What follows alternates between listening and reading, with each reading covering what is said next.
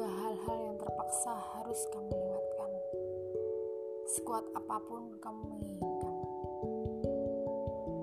Jadi, siapkanlah hatimu untuk selalu berani mengambil setiap keputusan dalam perjalanan ini. Akan ada banyak keputusan. Tidak semuanya selalu menyenangkan. Malah lebih banyak membuatmu bimbang. Selalu ingat-ingatlah ke mana tujuanmu agar kamu bisa lebih siap menerima segala kenyataan yang harus kamu temui.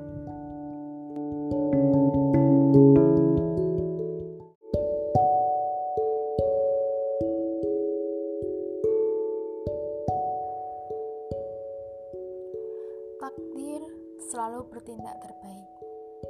Kita hanya belum bisa memahami apa-apa yang sedang terjadi. Seringnya memang demikian, kita baru bisa memahami kejadian selepas dia melewati waktu. Kadang hingga bertahun-tahun, kadang hingga kita sudah lupa kejadiannya.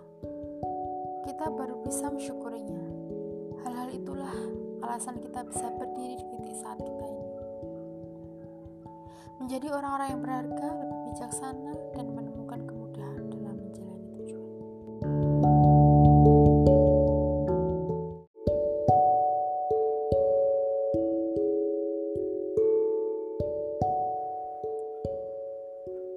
Jika kau tak siap diuji, ujian itu akan tetap ada di depanmu, menantimu siap menghadapinya. Begitu seterusnya dengan ujian-ujian yang lain, mengantri di belakangnya semakin banyak. Jika kita tidak menghadapinya, kita tidak akan beranjak ke mana-mana, hanya diam di satu tempat. Esok atau lusa, seperti saat-saat ini, kita melihat ke belakang dan menyaksikan betapa banyak ujian yang telah kita lewati. Semuanya terasa seperti baru kemarin sore. Segala keresahan, kekhawatiran, dan ketakutan itu sudah terlewati. Perasaan ketika ujian datang selalu begitu ragu, khawatir, dan takut. Esok atau lusa, seperti saat-saat ini, kita sudah berhasil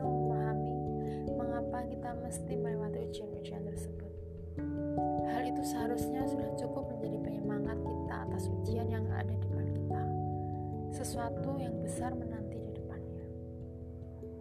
Esok atau lusa, mungkin kita akan bersyukur sebab hadiah dari setiap ujian bukanlah pada hasilnya, melainkan pada rangkaian prosesnya.